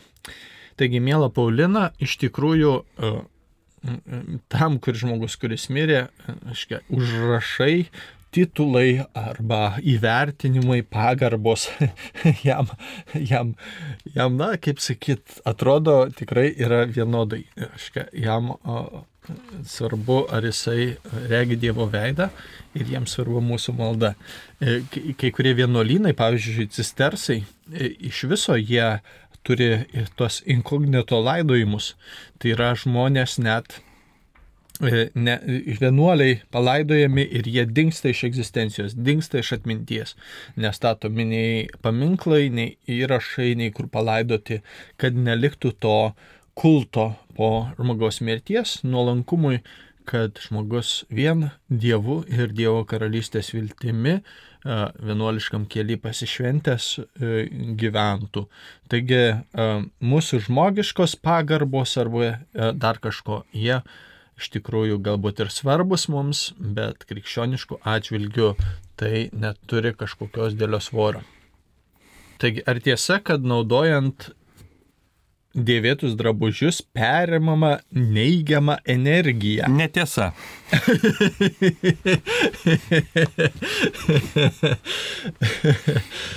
A, Jo, kokia energija įdomu. Gali būti perimamos utelės arba dar kiti gyvūnėliai, kurie tuose drabužiuose, jeigu jie nedezinfekuoti, bet jie paprastai būna visi dezinfekuoti ir panašiai. A, bet jo, daugiau a, visiškai galite jaustis laisvi. Psichologinis ar kažkoks būna žmogui impulsas, kad čia kitas dėvėjai ir aš, bet a, dvasiniu atžvilgiu visiškai a, vienodai. Jie e, ir, nu, nežinau, žmogaus e, energija, jeigu tai pavadint, arba sielos būklė yra e, priklauso nuo to, ar žmogus renkasi savo gyvenime tie dalykai, kurie yra su Dievu ir pagal Dievą, ar priešinga jam ir jo kvietimui, tai vadiname nuodėmėmis, nuo to priklauso, kokia yra jūsų dvasios ir sielos būklė. Um, labas rytas, kaip atlikti praktik, praktiškai. praktiškai, kai nežinai, kaip elgtis, ar sutikti ar ne su Siūlomo gydymu. siūlomu gydymu, kaip tai pavesti Dievui. Čia apie gydymo klausimus. Um, Na, toks abstraktus klausimas. Um, Žiūrint, koks gydimas. Na, turbūt reikėtų, e, kai nėra aišku, kaip pasielgti, tai pirmiausia, galbūt turėti kelias nepriklausomas konsultacijas iš vienų ir kitų gydytojų. Tai yra pasitarti su keliais gydytojais, toliau pasitarti su šeima, nes kiekvienas gydimas turi rizikas. Ir bent jau tuos žingsnius atlikti gali būti, e, besitariant kartais e, na, tas sprendimas tampa aiškesnis. Tai jeigu jums na, nėra ramu arba nėra aišku, sakyčiau, kad turėkit nepriklausomą išvadą, pasitarkit su kitais gydytojais, pažiūrėkit, ką jie pasiūlys, jeigu nuomonė sutampa, panašu, kad tuomet e, sprendimą reikia pavesti specialistų. Tai, na, Taip, Labai. pasitikėti specialistais ir nepasikliauti vienu, taip pat jeigu yra gydimai vadinamieji alternatyvus, tai kurie mokslo negristi, jų turbūt geriausia na, vengti, nes e, na, panašiai kaip nu, kokie liaudės būna patarimai, kur kartais gali tik pa, pa, pabloginti savo situaciją. E, Ar galite paaiškinti, kas yra Dievo meilė?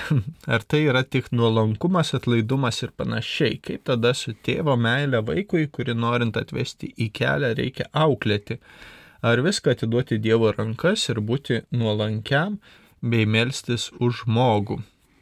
čia yra žmogui rodoma meilė klausimas, ar ne? Kokia, kaip, kaip mes tą Dievo meilę parodom, čia turbūt klausim. Jo, ka- kaip į Dievo meilę, turbūt klausimas jo.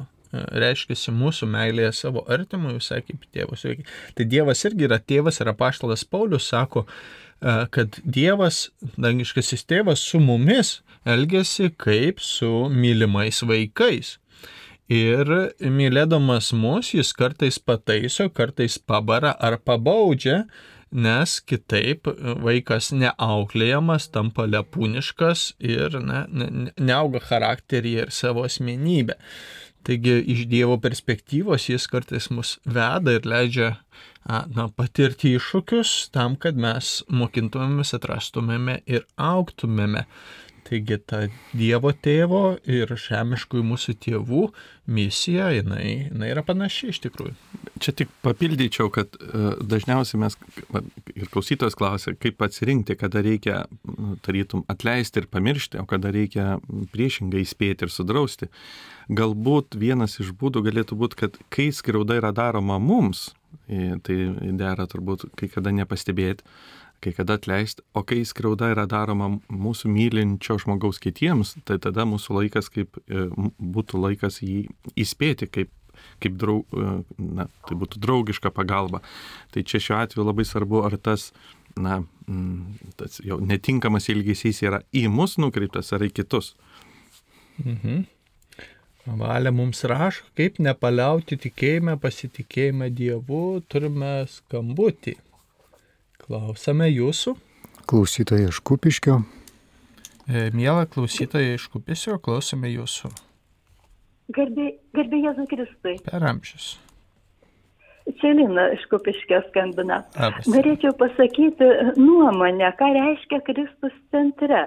Tai manau, kad ne tada, kai mes apie jį kalbame, ne tada, kai jam kalbame, o labiausiai tai, kai jis, esant išvenčiausiame sakramente, kalba ir veikia.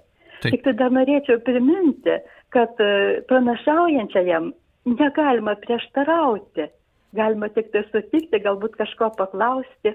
Ir kai praeitą kartą jūs, kunigė Andriau, man patarėte, kai priimu švenčiausią sakramentą šventųjų mišių metu, taip susikoncentruoti, kad e, ne, negirdėti choro, tai man tas nepriimtina. Ir aš dabar šventoji Faustina ką sako. Sako, tegul siela ieško, siekia gilios vienybės su Dievu ir Dievas veiks per ją. Va, kas yra labai svarbu, pirmiausia mums e, pasiekti tos gilios vienybės su Dievu. Ir, pavyzdžiui, ateina vargonininkas, choristai, kurie visiškai nepriima švenčiausio sakramento ir belieka tik susidaryti įspūdį, kad veikia jie. Ne, ne Dievas veikia per juos, bet vei- veikia jie, nes kažkas tai pinigų ateina užsidirbti, kažkas tai savęs išreikšti. Ir e, tos, tie rezultatai, kuriuos mes matome, nėra džiuginantis. Jau e, kunigai, žinoma, pirmiausia. Ačiū Jums už Jūsų pastebėjimus. E, e, Tikrai, tikrai taip. Dar kartą pasakysime, tikrai šventų mišių efektyvumas ir komunijos efektyvumas arba tie vaisiai tikrai nepriklauso nuo to, kokios būklės yra e, choras. Netgi nepriklauso nuo to, kokios dvasinės būklės yra kunigas aukojantis mišes. Sakramento gale pats Jėzus, pati malonė e, veikia Dievo įsteigtos galios sakramento gale ir jūs tikrai dar kartą aš jums galiu pakartoti, mėla Celina, kad priimdama švenčiausiai sakramentą iš tikrųjų gaunate pilnai ir visiškai vaisingai, nepriklausomai nuo to, kokia yra choro ar kitų aplinkinių na, bendruomeninė a, reiškia, na, sakykim, būklė arba jūsų, jūsų vertinimų, jų, jų stovis dvasinis, nors šiek tiek įžulu gal kartais vertinti ir spręsti apie kitus, kito žmogaus, reiškia, nes, nu, kas mes tokie, kad pasakytumėm, kas tas ar tas, reiškia, kaip patys esame, kiekvienas esame nusidėliai ir teisingai tą galime įvardinti apie save, o, o, o, o, o kitas žmogus kovoja savo kovas, a, savo, deda savo pastangas ir eina savo tikėjimo keliu, kurį mes galime padrasinti, palaikyti. Kitas skambutis, klausome. Juozas iš Jurbarko. Tai Turiu, turiu tokius du klausimus. Čia daug šiandien aiškinat apie sielą, dvasę, vėlę. Ir kažkodėl įvairūs kunigai skirtingi aiškina skirtingai šitas savokas. Man atrodo, nežinau, neseniai girdėjau kunigas Saulaitį taip pat šitą e, temą kalbant. Tai jis paaiškino taip, kad siela tai yra gyvybė, kurią Dievas davė visiems, sutvė, visus, kuriuos sutvėrė gyvus, gyv, tai reiškia ir, ir gyvūdyjai, ir, ir augalyjai galbūt net visiems, kas yra, kas gyva, kas. O dvasia, tai Dievas sukūrė žmogų, įkvėpė savo dvasę. Tai yra davė protą, davė sąmonę, davė gebėjimą mąstyti, kurti, ieškoti, atrasti.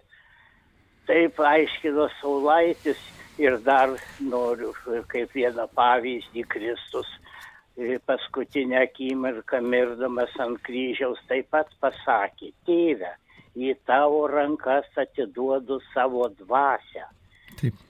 O gyvybė, tai reiškia, jis numirė žmogus arba ten koks gyvūnas. Ir gyvybės nėra. Nėra. Tai Taip. nežinau, man atrodo, kad ne gyvybė yra amžina, bet dvasia, kurią Tikrai, Dievas taip. sukurdamas žmogų jam įkvėpė ir, ir darė, lyg tai išnuomojo, paskolino. Ačiū, ačiū Juozai, tikrai taip, jūs e, teisingai samprataujate ir kunigas Saulaitis labai irgi taip pat. Tai yra biblinis žvilgsnis į tai, kas yra siela, pagal biblinį a, semitinį mąstymą, siela, ta pneuma yra žmogaus gyvybė, ne, ir žmogaus gyvybė e, numiršta, bet taip pat hebrajai išpažino, kad šita gyvybė e, keliauja e, kaip žmogaus dvasia ir kaip gyvybė jinai keliauja į šeolą mirusiųjų pasaulį. Tai jau čia kalbama apie dvasios arba sielos nemirtingumą. Ne? Ir Ir šituo atžvilgiu ar vienu ar kitu terminu įvardinsime, jūs išreiškite ir mes lygiai tą pačią tikrovę. Žmogus turi dvasinę sielą, tai dvasiniai sielai čia sukurta žemėje, jinai yra gyvybės, e, e, aiškia, principas, kai žmogaus siela atsijungia nuo kūno, žmogaus gyvybė užgesta, tai galima sakyti, žmogaus siela yra žmogaus gyvybė šitame pasaulyje, nors nėra tik fizinė gyvybė. Žmogaus e, e, iš dvasinės pusės žmogus yra gyvas, kada yra vienybėje su Dievo dvasia arba su Dievo malone. Ar turi kažką? Tai iš, iš tikrųjų samprotaujat labai teisingai ir hebrajiškam tekste ir hebrajiškoje kultūroje buvo daug žodžių, kurie nusakė mūsų tą vidinį žmogų, sielą ir dvasę, ką mes šiandien pasakytume. Ir vienas iš tokių terminų nefeš, kurią paprastai mes verčiam kaip siela, tai e, jis iš tikrųjų galima reikšti kaip gyvenimas, gyvybė, jisai e, šventam rašte sutinkamas ir gyvūnams, ir žmonėms, bet šiuo atveju e, hebrajai nenaudoja tik dviejų žodžių, kaip mes šiandien lietuvių kalboje dvasia ir siela, jie turėjo daug daugiau ir jų na, tiesmukiškai neišeina per, perversti į šiandieninės koncepcijas. Todėl kartais, kai mes naudojam du žodžius, dėja tik du žodžius siela ir dvasia, mes kartais turim omeny sielą tą žmogaus emocinį, psichologinį gyvenimą, o dvasia kaip žmogaus ryšį su Dievu. Kartais sakom vienu žodžiu tiesiog apie mūsų vidinį žmogų ir tada pabrėžiam, kad kalbam apie dvasinę sielą. Tai prieš tai buvusiam klausime e, pagrindinis akcentas, kad tarp gyvūnų ir žmogaus skirtumas yra. Mes abu esam, tai yra gyvi sutvėrimai ir žmogus ir, ir gyvūnai turi daug bendro, bet tik žmogus turi tą dvasinę sielą, laisvą valią ir tuo būdu jis yra na, unikalus, jis nėra tapatus gyvūnams, bet turi taip pat daug ir bendro. Mhm. Ačiū. E, Klausimas Irenos iš Vilniaus, kodėl neatstatoma Jeruzalės šventykla, o riku- likusi tik raudų siena. Dabar, žinoma, mums aktualu labai e, svarbu, svarbu Izraelio situacija ne, ir visas, kas ten vyksta, o a, ir Izraelio šventyklos e, vietoje šiuo metu yra antra pagal svarbumą musulmonų šventovė pastatyta. E, nuo to, nežinau, kelintam amžiui, ketvirtam ar penktam, kuriam, kuriam amžiui, reiškia, musulmonai užgrobė, uh, užgrobė Izraelį. Ir, ir, ir, ir, tada uh, jie ten pastatė savo šventyklą, kuri, jeigu neklystų, yra mu, mu, iš Mohameto paėmumo, iš to tikėjimo, kad jis tokia Jo, jis tu, ten turėjo patyrimą, kaip tikima, kad nuo, nuo, nuo, nuo iš toje vietoje buvo paimtas į dangų, bet čia septintam amžiui iš tikrųjų jinai buvo pastatyta, Uolos kupolo šventikla ir e, mečetė iš tikrųjų jinai vat, yra labai svarbi ir kadangi toje vietoje, kaip, na, kaip po kol kas manoma, kur stovėjo Jeruzalės šventikla, jinai yra užimta vieta ir e, žydai atstatyti, nu, sakykime, norėtų turbūt toj pačioje vietoje, o vieta jau yra užimta mečetės, taip kad tas klausimas yra šiuo metu toks. Taip, ir jie meldžiasi prie likusios, e, kuri buvo nugriauta e, romėnų šventykla su viskuo, kada dėl, dėl maišto kilusio, prie tos sienos likusios. Ar bus at- atstatyta ar ne, ne nežinome. A, Pagal Biblijos pasakojimą prie, iki Jėzaus sugrįžimo Jeruzalės šventykla pagal biblinės pranašystės turėtų būti atstatyta. E, Ta, na, jeigu e, apokaliptinių žanrų galime remtis Taip, kaip, i- kaip yra, tok, taip, yra, galima pasakyti, yra tokia nuomonė, taip, kad į, į, gali būti ir atstatyta, tai nuo interpretacijos priklauso, bet su, nėra vienos, sakykime, oficialios bažnyčios pozicijos. Jo, bažnyčios pozicijos nėra tik teologų svarstymai ir biblinės nuorodos, kad gali būti atstatyta ir, sakoma, bus atstatyta Jeruzalės šventykla ir prieš e, Jėzaus sugrįžimą ten pasireikš nedorybės sunus, kuris dėsis Dievu ir, ir, ir, e, ir, reiškia, ir kurio mes, tikėkime, išvengsime patikėti, kad jis yra išganytojas ir lauksime tikrojo sugrįžtančio iš dangaus. Um, e, kodėl Seno testamento Dievas skiriasi savo griežtumu nuo Dievo tėvo prašyto Naujajame testamente. Iš tikrųjų, labai tiesiai ir trumpai nesiskiria. Nesiskiria. Galbūt mes, mums užkliūva daugiau tie aštrus momentai, bet Jėzaus e, e, palyginimuose taip pat dažnai girdime daug gailestingo tėvo įvaizdžių, apie gailestingą, aiškiai, tas sunaus palaidūno, reiškia, pa- palyginimas, pavyzdžiui, ir kaip, kuris yra iš tikrųjų gailestingojo tėvo palyginimas, a, lygiai taip pat Senajame testamente yra daugybė ir tikrai labai daug Dievo, gailestingojo Dievo a, ma, matymo, jo Jahves, kuris yra gailestingasis ir, ir tikrai negriežtasis įvairiausių, įvairiausių pavyzdžių. E, Ir lygiai taip pat Jėzaus, e, aiškiai, pristatymė apie tėvą, e, matomas tas griežtumas, kaip pavyzdžiui, pa- apie talentus palyginime arba apie ne- net, net laidų jį skolininką, kuriam griežtai teik, suteikiamas atlygis, e, kada jis, aiškiai, meldavo gražinti didžiulę skolą, bet tėvas, Dievas, aiškiai, pareikalavo jį gražinti visą, kada jisai buvo negailestingas savo artimui. Taigi matome, kad Dievas yra teisingas, tai yra, kad jis e, nepataikauja nedorumui ir neteisingumui, e, bet nori mūsų visų iš tikrųjų, kad sugyventumėm pagal tą, tuos principus ir tą meilę, kurią jisai kviečia ir tas pats Jahvė. Taip, tik papildyčiau iš tikrųjų, kad dažnai mes skaitydami Evangeliją sutinkam tam tikrą interpretaciją jau Seno testamento į minčių, žodžių ir tam tikrą dvasingumą, kurį pasakytume kaip fariziejiškas dvasingumas. Tai šiuo atveju yra iškreiptas Seno testamento supratimas, tačiau dažnai mums atrodė, kad būtent taip mokė Senas testamentas, taip kaip fariziejai jį pateikdavo. Tai šiuo atveju iš tikrųjų Dievas yra toks pat, bet uh, fariziejiškų supratimų jis buvo per, per, perdėtam griežtai form, ir for, formalistiškai priimtas. Kita vertus, e, yra tam, tik- tam tikra takoskira, jog e, Senam testamente mes turim daug dėmesio valstybiniam gyvenimui. Tai yra veikia valstybė per karalių, per jos institucijas, o Naujam testamente mes turim žmogaus asmeninį gyvenimą, jo vidinę etiką, moralų gyvenimą ir iš tikrųjų tarp tų dviejų e, gyvenimų yra tam, tam tikra takoskira. Ir, ir šiandien vienaip veikia valstybė, kitaip reaguojame mes asmeniniam savo individualiam gyvenime. Tai kartais tos takoskiros nepajautimas arba skaitimas fariziejiškais sakiniais Seno testamento gali mums duoti išvadą, kuri klaidinga būtų, kad Dievas yra kitoks Senam testamente negu Naujajam. Mhm. Čia jau buvo klausimai. Toj. Aha. Ah. E, Ja, klausimas, kurį jau daugybę kartų klausėte, kaip suprasti dangų skaistyklą kaip būseną, o ne vietą. Tai e, dangus arba pragaras yra ir būsena, ir vieta, lygiai taip pat kaip žmogus jaučiasi a, vienaip ar kitaip įvairiausiose vietose. Ir, reiškia, vidinė būsena ir išorinė būk- buvimo vieta gali būti susijusi arba gali būti skirtinga. A, Šventoji Faustina buvo pakelta į dangų ir matė visą ten esančius dalykus, būdama Dievo malonėje ir jo šviesoje. ir ji buvo nuleista iki žemutinio pragaro dugno, e, kad pamatytų, kas ten yra.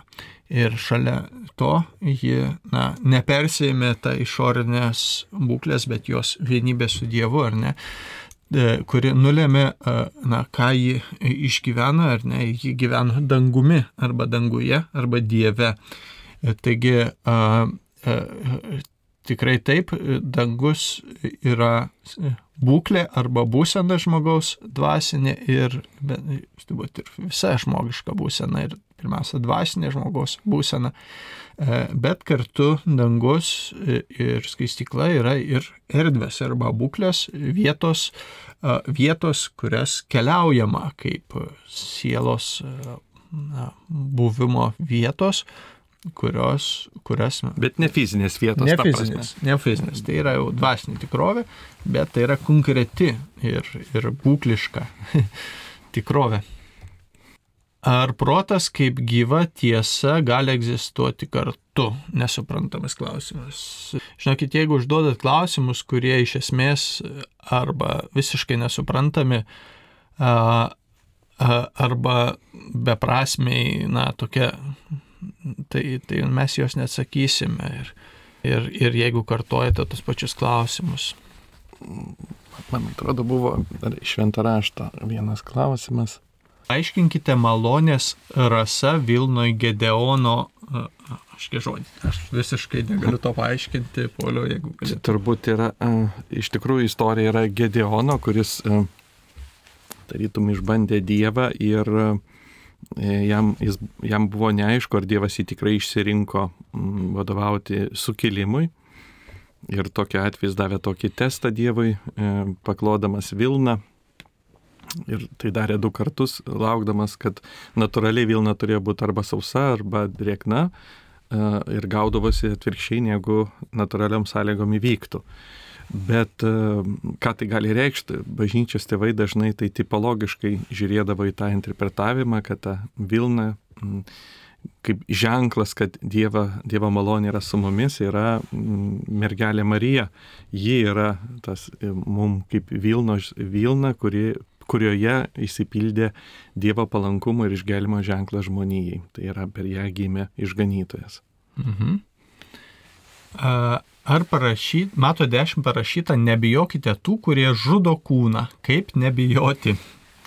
A, iš tikrųjų, savisauga turbūt yra, yra gėris mūsų baimė numirti ir baimė, a, iškai, prarasti gyvybę. Tai yra, tai, yra, tai yra gėris iš esmės. Jeigu žmogus šitos baimės neturėtų, jam būtų labai pavojinga gyventi iš tiesų. A, taigi yra natūralu ir, ir gera, kad šita savisauga yra. Čia tikriausiai rašoma tiems atvejams, kada iš tikrųjų daugybė kankinių yra, kurie liūdė tikėjimą ir jį gina netgi savo kraujo kainą, neišsižadant vardan kažkokių tai dalykų kitų savo tikėjimų ir Jėzaus Kristaus. Ir kaip nebijoti, e, tai atsakymas yra patys iš savęs negalime nebijoti. E, šventoji dvasia yra ta, kuri mus įgalina. E, patys apaštalai, pažiūrėkime, iki sėkminių dienos užsidarė bailus, užsirakinę, e, meldžiasi ir nežino, aiškia, kaip tą na, toliau misiją tęsti, kol šventoji dvasia nenužengia ant jų ir viešas kelbimas prasideda. Taigi e, kankinystėje matome, kad e, kankinystės daugybė atvejų ir bažnyčia e, betifikacijos bylose yra būtent šitas matmo, kad turi būti aišku, kad žmogus ne savo heroiškumo arba savo kažkokio tokio, iškia, nežinau, pasirodymo, va, kaip aš dabar, iškia, parodysiu save, koks esu tvirtas ar dar ko nors, bet buvo malonės pasiekmė, kad žmogus natūraliai, jeigu būtų buvus galimybė, jisai būtų gelbėjęs savo gyvybę, bet Dievas suteikė malonę likti jo liudytoju iki paskutinės minutės. Taigi, melisti malonės ir šlovinti Dievą už jo gerumą. Taip, iš tikrųjų, e, ta rašto vieta tikrai nedraudžia mums pergyventi ir bijoti dėl savęs. Tiesiog visas kontekstas yra toks, kad e, tai yra palyginamos kelios baimės. Ir e, mums gelbėtojas sako, nebijokite tų, kurie žudo kūną, bet bijokite to, kuris gali mesti žmogų į pragarą, tai yra bijoti Dievo. Iš esmės, jeigu mes sveikai bijome Dievo, mes nebebijom daugiau jau nieko, nes e, e, tas Dievo baimė suprantama yra, kad suvokimas, kad nuo jo viskas priklauso. Tai yra žmogaus reakcija į suvokimą, kad nuo to asmens priklauso viskas ir jeigu tu tikrai suvoki, kad nuo jo viskas priklauso automatiškai, na, tu nebeįsitimpi prieš kitus. Nu, tai nereiškia, kad savaime tu jų nebijai, bet tu tiesiog supranti, kad tai nėra, žmo, tai, tai ne žmonės tarė paskutinį žodį. Šiuo atveju turbūt taip reikėtų mhm. pildyti. Ar popiežius gali klysti? Dažnai ginant jo teiginius girdime, kad popiežius visų pirma žmogus. Kodėl jo nestandartiniai kabutėse teiginiai taip lengvai prigyja bažnyčios tarnų tarpę pagarbiai tikinčiųjų grupė? Popiežius e, visuose savo pasisakymuose gali klysti, gali priešnekėti nesąmonių, gali pasakyti savo nuomonę, kuri visiškai netitiks bažnyčios aiškia e, pozicijos, bet popiežius tai sakydamas ir nesako, kad a, aš sakau, kad taip visa bažnyčia turi mąstyti jis, e, dalinasi savo, reiškia, žvilgsniu. Popiežius kaip E, neklystantis yra suprantamas tik tais ex katedra. Tai yra, kada jisai skelbia visos bažnyčios tikėjimo dogmas, kurios yra na, pažįstamos kaip mūsų esmingas, esmingas svarbiausias mūsų tikėjimo dalykas mūsų visoje katalikų bažnyčioje, bendruomenėje. Tad, o, o yra, kiekvienas popiežius yra dalies tikinčiųjų ir kunigų mėgiamas, palaikomas, kuris atliepia ir kitos grupės, kurie na, ne, priešiški, ne, reiškia, nepritarantis ir panašiai. Ir, ir, ir, ir, ir, ir tai yra visiškai, visiškai natūralu, e, tokia yra dinamika nuo pat e, pirmųjų amžių, jau vien girdime kokį apaštalą Petrą, kuris štai gauna barti viešam susirinkime iš apaštalo Pauliaus už tai, kad jisai valgo su e, pagonėmis slapta ir veidmainiauja, žinai, ir, ir Ir, ir, ir jisai tiesiog, taip, okei, okay, galime sakyti, pripažįsta, okei, okay, čia šitoj vietoj atrodo susimoviau ar ne, silpnas žmogus esu, taigi esame kelionėje kiekvienas besimokymas su savo ribotumu. Dar svarbu, kad popiežius, jis turi, įsivaizduokim, visas pasaulis, krūva visų reikalų. Ir jis ne visus dalykus, kuriuos pažįsta, jisai, na, pažįsta išsamei. E, jisai iš esmės pasikliauja savo vadinamaisiais patarėjais. O patarėjai taip pat būna visokie. Kai žinau vidinę situaciją truputį, e, kas vyko Vatikane, e, tiek liemant Ukrainos atvejį, tiek Rusijos ir, ir, ir kitus mums skaudžius ir sunkiai suprantamus mums popiežius pasisakymus, tai tais atvejais tiesiog jisai atrodo turėjo netinkamus patarėjus, kurie tuo metu buvo šalia jo.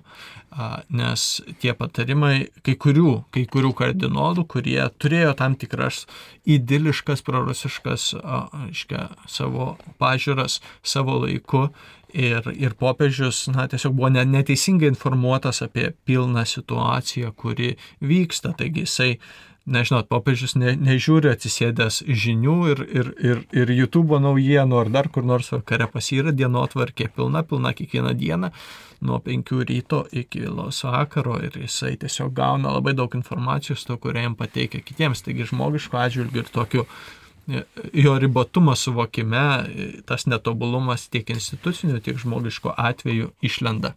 E, kiek suprantu, jehovistai nėra oficiali religija ir jie klaidina žmonės. Daugelį išveda iš tikrojo kelio ir galėtų valdžios institucijos juos uždrausti. Kokia žodžio laisvė, jei kenkia žmonių moraliai, ačiū Jums.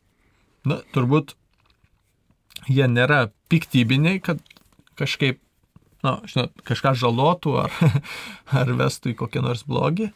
Aha, turime skambutį netrukus. A, a, tai jehovistai nėra e, nėra, aiškiai, na, tokia iš esmės įdinga ar bloga, bet krikščioniško atžvilgių iš esmės, iš esmės yra nepriimtina ir kažkuria prasme dažnai galinti netgi žmogui morališkai, ne tik morališkai, gal greičiau psichologiškai suvelti žmogaus mąstymą ir iš tikrųjų sužaloti, nes jinai priskiriama prie sektų lygmens, tai yra naudojančių tam tikrus manipuliatyvius arba, a, a, na, kaip sakyti, perdėtus metodus savo a, tikėjimo skleidimui, kurie yra, na, ne, netitinkantis e, tos religinės, ar uždrausti juos, ne, turbūt jie turi teisę savo žodžio, žodžio laisvę ir savo reikšti, o, o mums svarbu būti pagarbiam dialogę ir liudyjime, liudyjime to, kas yra iš tiesų na, mūsų gyvenime tikrovė ir, ir, ir, ir galbūt jie patys kažkada susipras tie, kurie į, įlindę iš tos a, mąstymus filosofinius jų, kad na, iš tikrųjų jų tikėjimas nelabai turi pagrindo. Kiek gilinausi, nelabai turi pagrindo, neišsiplėtosiu čia plačiai. Skambutį turime, kas mums Dar kartą Juozas iš Jurbarko užsiminė, kad turėjo du klausimus, bet gal užduos iš naujo. Klausom jūsų. Sveiki, Juozai, Taip, dar ko- kartą. Kodėl, kada žmogus miršta, kada labai liūdna, gėdama arba kalbama viešpaties angelas, tai yra džiaugsmo maldelė arba giesmelė. Mhm. Kodėl taip yra? Ačiū, Juozai. Iš tikrųjų tai nežinom. Nesigidau, kada ir kodėl, ir kažin ar yra tokių šaltinių, kada ir kodėl atsirado šitą maldą už mirusiuosius. Ir turbūt e, čia Lietuvoje galbūt išskirtiniau šita tradicija tokia išsi, išsivyščiusi negu kitose šalyse, kur susijęta su malda už mirusiuosius. E, Ir taip, šita malda viešpaties angelo iš esmės jos esmė yra pasveikinimas viešpaties įsikūnymo, e, ta 12 valandos malda, kuri iš esmės yra labai, aiškia, džiugi. E, e, Bet susijęs su to, kodėl viešpats Jėzus Kristus įsikūnijo, tam, kad mus išganytų ir atvestų mūsų į dangų. Todėl šita sąsaja jinai nėra liūdna ar negatyvi. Ji kaip tik labai pozityvi, skelbiant mūsų mirusiųjų išganimo viltį. Ir diev, gal, e, garbė Dievui, gal vėl statomas Babelio bokštas, gal vėl reikia e, jį greuti, kad sumaišyti kalbas, atstatyti sienas, juk nebežinoma, kaip tvarkyti pasaulį be viešpaties. Toks filosofinis klausimas. Babelio bokštą kiekvienas galim pasistatyti savo, kažkuo didžiuodavėsi e, prieš Dievą. E, e, girdėjau e, posakį velnio advokatas. Kas tai? Jūs tikriausiai girdėjote jį, jau jo dabar nėra, tokios, tokios, tokio advokato. A, Tai bendraja prasme velnio advokatas gali tapti bet kuris žmogus kuris a, ima ir gina kažkokius šetoniškus ar blogus dalykus ir čia reto bendraja prasme. Bet a, bažnyčioje šitas terminas būdavo taikomas Vatikano atstovui, kuris atvykdavo į viskupiją tikrinti kažkurio, kažkurio šventa, žmogui išvestos betifikacijos bylos a, duomenų, ar jinai nėra klastojama. Ir jisai ieškojo priekaibių, priekaištų, kuo apkaltinti, kad jisai galbūt, galbūt yra ne šventasis ir ne joks ir ta byla yra pritemta arba nuslėpta tiesa. Ir jis tokį vadinamą, taip pajokaujant turbūt, nors tai yra neoficialis, ne, tai yra toks, sakykime, mūsų bažnyčios liaudinis pasakymas, bet jis tarsi velnio darbą atieško, ieš, atlieka, ieško, kuo apkaltinti, kur, kur reiškia žmogus galėjo daryti nuodėmės klaidas ir, ir iš esmės yra, na, ne, ne, neturėtų būti skelbiama šventuoju bažnyčioje, tai yra, bet taip, e, jeigu taip paimant tikrovį, tai yra aiškia, tarnystė a, išlikimui tiesoje. A, Kaip argumentuoti prieš eutanaziją? A, skambutis. Taip, klausome. Stanislava iš Kauno. Stanislava, klausom jūsų. Garbėjai Zikris. Per amžius. Aš noriu paklausti apie mažąją Teresėlę Jėzaus gilelę. Kokioj valstybėje jinai yra gimusi? Čia rašo Lizija, o kur ta Lizija vienuolynė karvelitų? Aha. E, a, ačiū už klausimą. Nekystų, Elizija tai yra Prancūzija. E, š- Šventoji Teresėlė buvo en francė, prancūzė, kuri, nežinau, kurioje vietoje, nesu niekada buvęs iš tikrųjų Elizija, bet kurioje vietoje šitas, šitas miestas ar miestelis yra ir tas vienuolynas, kuriame jinai užaugo. Um, daugiau, nežinau, Pauliu, gal tu kažką tu žinai, ne? E, kad tai, e, taigi dėl eutanazijos, na, yra vienintelis argumentas, kad ar tu myli žmogų ir jį brangini, ar tu nori jo atsikratyti. Taigi toks žmogiškas, o Dievo atžvilgiu žmogaus gyvybė yra neliečiama nei paties žmogaus savo atžvilgiu, nei kitų žmonių atžvilgiu. Mes neturime, bažnyčios mokymas iš, išpažįsta, kad mes neturime e, teisės e, žmogaus, e, gyvy, į žmogaus gyvybę, ji yra tiesioginė Dievo nuosavybė. O, atsiprašau, čia dabar daug žinučių, kurios esu tikinti katalikė, o darbe prieš pagal pareigas priklauso vaikus mokyti praktikuoti jogą, sąmoningą kvepavimą, karate. Kaip elgtis, tiesiog išeiti iš darbo, ar turiu kit, kokią, teis, kokią teisę. Iš, iššūkis, tikrai taip. Iškai joga nėra suderinama su krikščionybė, nors mėginama čia visai kaip tą temti, bet iš esmės filosofinis ir mąstymo pobūdis, jogos visi pratimai yra, a, a, na, a, tai yra a, kažkokios a, pagal savo kilmę, tai yra kažkokių dievybių, hinduistiškų dievybių formų atvaizdavimas ir tam tikrą prasme jų pagarbinimas pačiu veiksmu. Net jeigu žmogus sąmoningai to nedaro, bet na, vis tiek tai yra na, nepriimtina krikščioniško atžvilgių, nors joga, kaip dabar labai dažnai joga vadina įvairiausias mankštas, ten, kurias daro, tai gali būti ir, ir jau visiškai nesusiję. Sako, kad patys jogistai arba tie tikri ekspertai kartais net pyksta ant to vakarietiškos jogos, kad jie iš jų tikėjimo padarė mankštą arba sportą, kur, kur jie, nes ta, ta, toje kilminėje jogos šaknėje tai yra visai kas kita. Taigi jūs tikrai turbūt iššūkis jums, galbūt ir reikalinga šitoje vietoje prisaugoti save ir vaikus, nes, nes na, viena ir antroje vietoje gali turėti tam tikrų sunkių pasiekmių. Suprantama, būtų gerai, kad jūs tiesiogiai pasitartumėt, kadangi situacija yra konkreti, mes negalime atsakyti na, abstrakčiai, tačiau iš tikrųjų skirtumas yra tarp sporto ir kvepavimo pratimų, kurie tik vadinami joga arba turi netiesioginį ryšį, tai yra ta programa paremta joga ir joga kaip uh, tikėjimo sistema. Tai šiuo atveju vien tai, kad žmonės na, kvepuoja ar mankštinas ir atlieka pratimus, nu, tai nereiškia, kad jie praktikuoja religiją. Tai reikėtų atskirti tą iš esmės na, sportinę dalį ir pasaulyje žiūrinę dalį. Tai galbūt tai padėtų.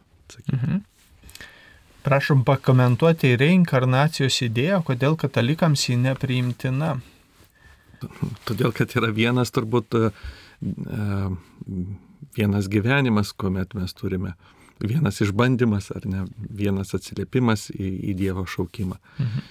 Šiuo atveju mes, matot, tikėjimo niekada ne, neformuojam, kaip jis mums priimtinas ar nepriimtinas. Mes juk pasaulio nekūrėm, mes jį pažįstam, koks jis yra ir tikime, kad apriškimu mums apreikšta, kad yra būtent taip.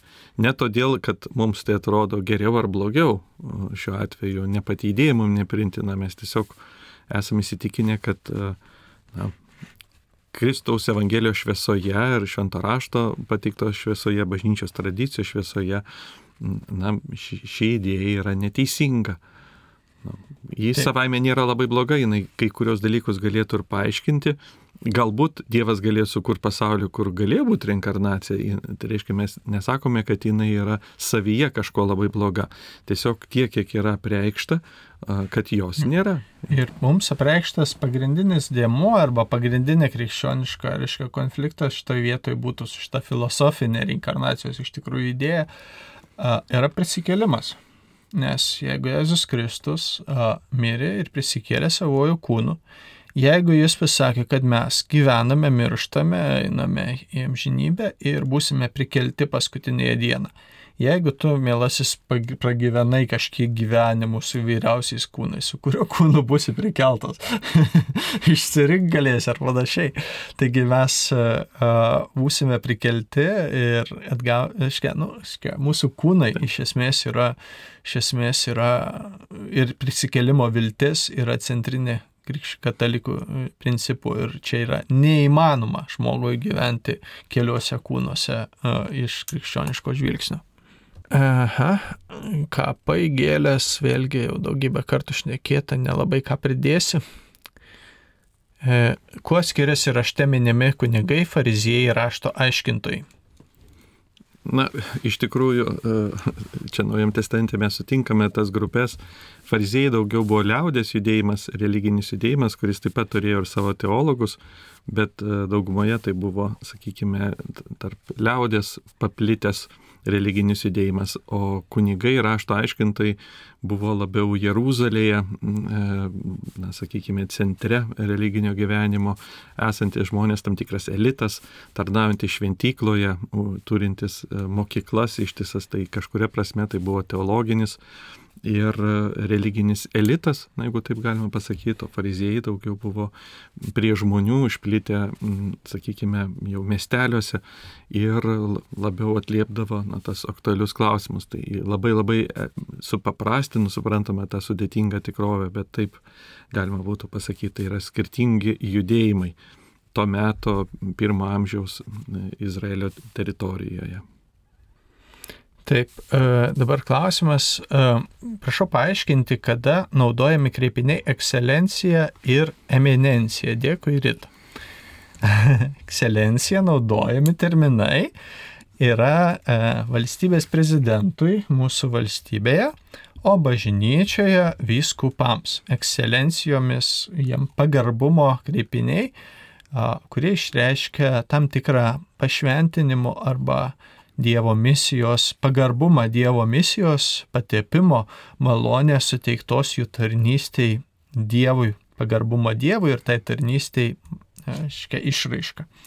Aišku, istoriškai tie terminai ne, nebuvo iš, iškia, krikščioniški, jie perimti iš tokios, sakykime, pagarbumo valdžios principams arba autoriteto principams eminencija e, skirtas kardinolams, tai yra tiesioginiams popiežiaus bendradarbiams, kurie paskiriami paties popiežiaus e, ir e, juos taip vadiname.